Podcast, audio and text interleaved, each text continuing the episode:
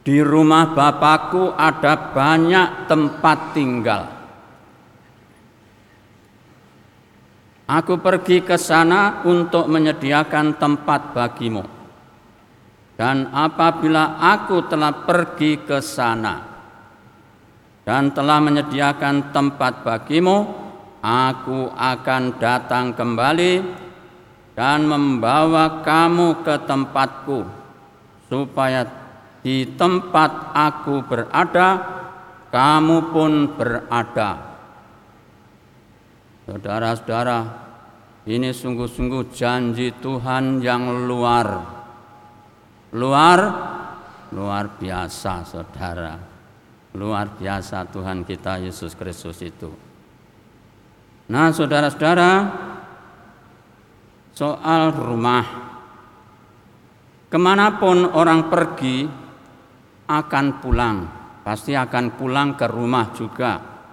Kalaupun terpaksa tinggal sementara di tempat lain, misalnya karena tugas atau demi tugas, hatinya selalu ingat akan rumah, akan keluarga, dan dari hari ke hari ingatan itu akan berkembang menjadi rasa rindu.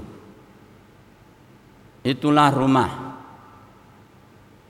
Maka sesudah tugas selesai dengan gembira, dengan riang gembira, orang akan kembali ke rumah, berkumpul kembali dengan keluarga. Nah, saudara-saudara, itu rumah di sini. Sebagai seorang beriman, kita juga punya rumah di tempat lain. Di mana itu? Yaitu di di surga, saudara. Jadi kita punya rumah di surga. Seperti juga dikatakan oleh Tuhan tadi bahwa di rumah Bapa di surga ada banyak tempat tinggal, ada banyak kafling di sana. Nah, saudara-saudara, oleh karena itu hidup di dunia ini sebenarnya sebagai seorang beriman itu sifatnya sementara. Kita semua saudara dan saya pasti akan meninggalkan dunia ini dan akan kembali kepada Bapa kita di sorga dan tinggal bersama Bapa di sorga. Amin. Itu saudara. Itu iman kita semua. Orang Jawa bilang begini. Hidup ini hanya mampir ngombe. Artinya hanya mampir minum Artinya apa? Artinya hanya sementara. Dan kita tidak akan tinggal terus-menerus di di sini, di rumah ini, di dalam dunia ini. Sebagai seorang beriman, kita percaya bahwa kita setelah meninggalkan dunia ini, kita akan tinggal di rumah Bapa di surga seperti dikatakan juga oleh Santo Paulus dikatakan demikian saudara. Saudara-saudara, kamu tahu bahwa jika kemah tempat kediaman kita di bumi ini dibongkar, Allah telah menyediakan tempat, menyediakan suatu tempat kediaman di surga suatu tempat kediaman yang kekal yang tidak dibuat oleh tangan manusia. Apa tempat itu? Yaitu sur surga, Saudara. Itu. Nah, saudara-saudara, namun sering kali kita menjalani hidup ini kita kurang sungguh-sungguh mengingat bahkan merindukan tempat kita bersama Bapa di sorga.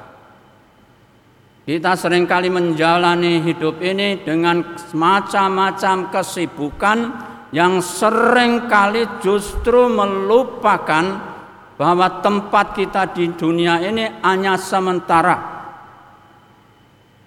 Bahkan banyak orang menjalani hidup di dunia ini dengan bergumul dengan dosa-dosa. Nah, saudara-saudara, dalam akhir-akhir ini kita disibukkan, dicemaskan oleh yang namanya wabah virus corona. Dengan wabah virus corona ini, orang dihadapkan yang namanya saat kematian.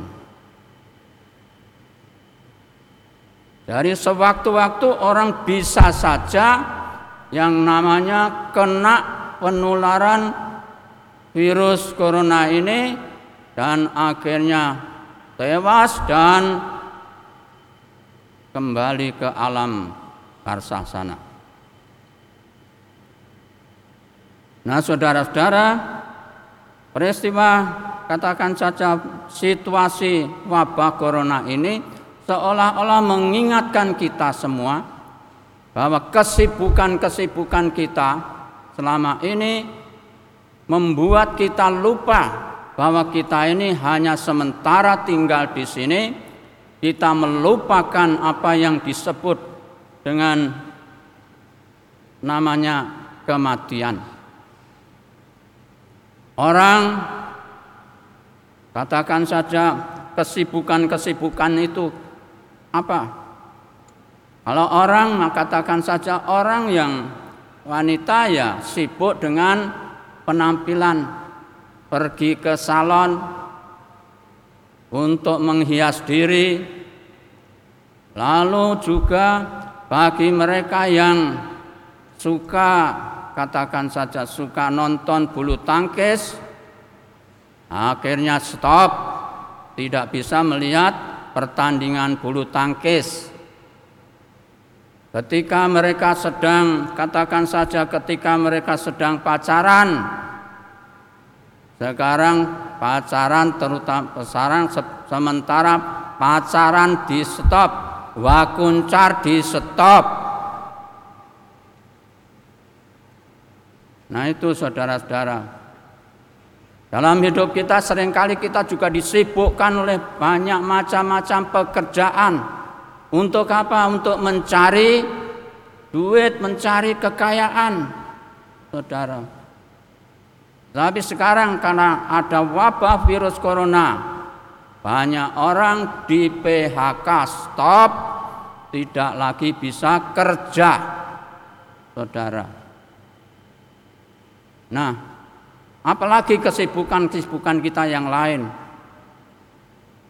Nah, dengan wabah virus corona ini saudara-saudara seolah-olah kita lalu dipik kalau lalu kita mulai diajak berpikir, nah untuk apa kalau saya sudah mengumpulkan banyak duit, banyak uang, banyak harta, tetapi ternyata nanti oleh virus corona ini diajak kita meninggalkan dunia ini. Untuk apa, saudara? Oleh karena itu, dalam peristiwa semacam ini saudara-saudara sekali lagi kita diingatkan kembali bahwa kita ini di sini hanya sementara. Oleh karena itu apa pun yang kita lakukan di sini seharusnya juga untuk menghantar kita, membawa kita kepada yang namanya hidup sesudah kematian ini yaitu hidup di surga untuk kita yang beriman. Nah, saudara-saudara, hari ini firman Tuhan, Injil juga sungguh-sungguh mengingatkan kita, saudara-saudara. Luar biasa, saudara. Tuhan mengingatkan kita bahwa kita nanti pasti akan meninggalkan dunia ini dan ke mana kita akan pergi setelah meninggalkan dunia ini. Bahkan para murid-murid Yesus sendiri juga tidak tahu ke mana sesudah kematian ini, sesudah hidup di dunia ini kita akhiri, ke mana kita akan pergi? Bahkan di sini Filipus juga bertanya, Thomas berkata, bertanya kepada Tuhan, Tuhan kami tidak tahu ke mana engkau pergi. Bagaimana kami tahu jalan ke sana? Jadi murid-murid Yesus sendiri pun ternyata nggak tahu bahwa ada yang namanya hidup abadi, hidup kekal di rumah Bapa, saudara. Saudara dan saya belum pernah meninggal ya, belum pernah meninggal ya, belum pernah mati. Kita juga nggak tahu sesudah mati nanti situasinya, suasananya di mana setelah mati ini. Nah, saudara-saudara. Nah, hari ini Tuhan Yesus menunjukkan kepada kita saudara-saudara bahwa sesudah kita meninggalkan dunia ini sebagai seorang beriman kita akan tinggal bersama Bapa di sorga di rumah Bapa di sorga. Suasananya bagaimana kita ketemu dengan Bapa di sorga. Tentu kita tahu bahwa sorga adalah tempat di mana di situ ada kehidupan abadi yang penuh kebahagiaan karena kita berjumpa dengan Sang Maha Pengasih, Sang Maha Pengayang, Penyayang, Sang Maha Kuasa itu, saudara. Oleh karena itu, saudara-saudara, apa yang seharusnya kita lakukan? Tidak lain dan tidak bukan yaitu bahwa kita harusnya menyiapkan diri kita untuk ke sana. Lalu setelah Tuhan mengatakan kepada para muridnya, dikatakan, aku pergi ke sana. Ke mana aku pergi kamu sudah tahu jalan ke sana, yaitu ke rumah Bapa di sorga. Lalu Filipus atau Thomas juga mengatakan, Aku dikatakan, ke mana engkau pergi aku tidak tahu jalan ke sana. Apa kata Tuhan Yesus saudara? Kata Tuhan Yesus, di sini dikatakan, akulah jalan kebenaran dan hidup. Akulah jalan yang benar menuju kepada kehidupan abadi di surga, saudara. Nah itu.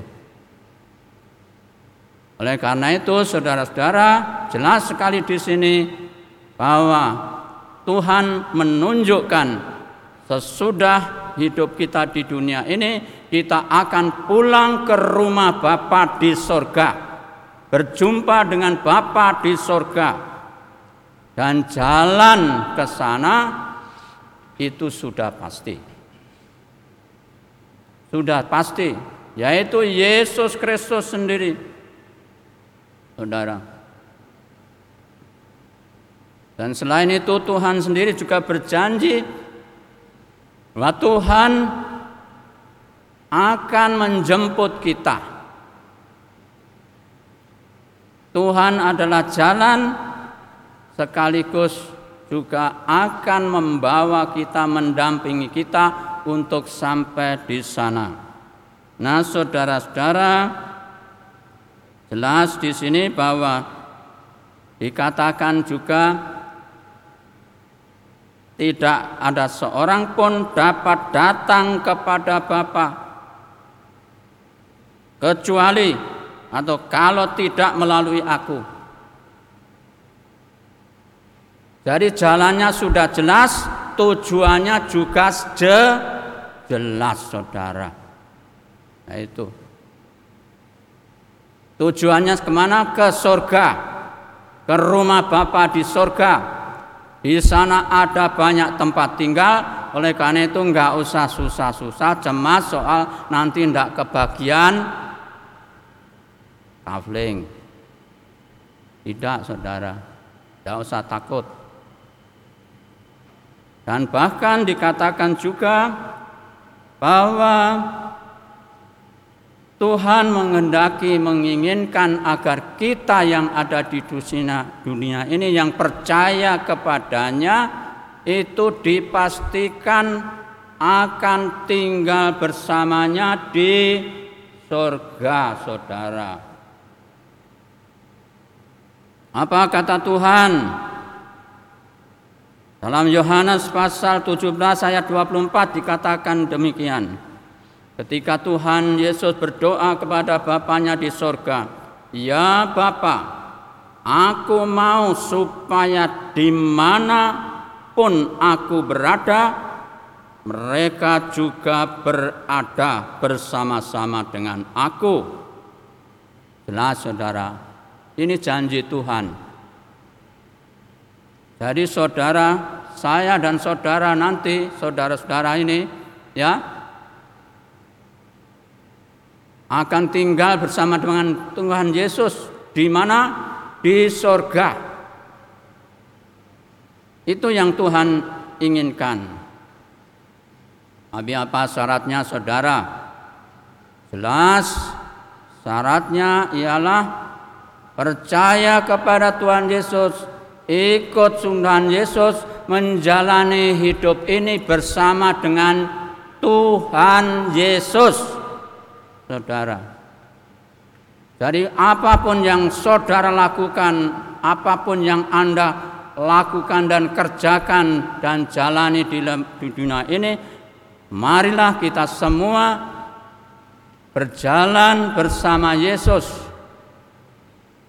Kalau Tuhan bersama, kalau kita bersama dengan Yesus dan Tuhan berada bersama dengan kita, kita yakin kita tidak akan tersesat. Baru-baru ini baru-baru ini saya mendengar di berita televisi maupun di koran-koran ada seorang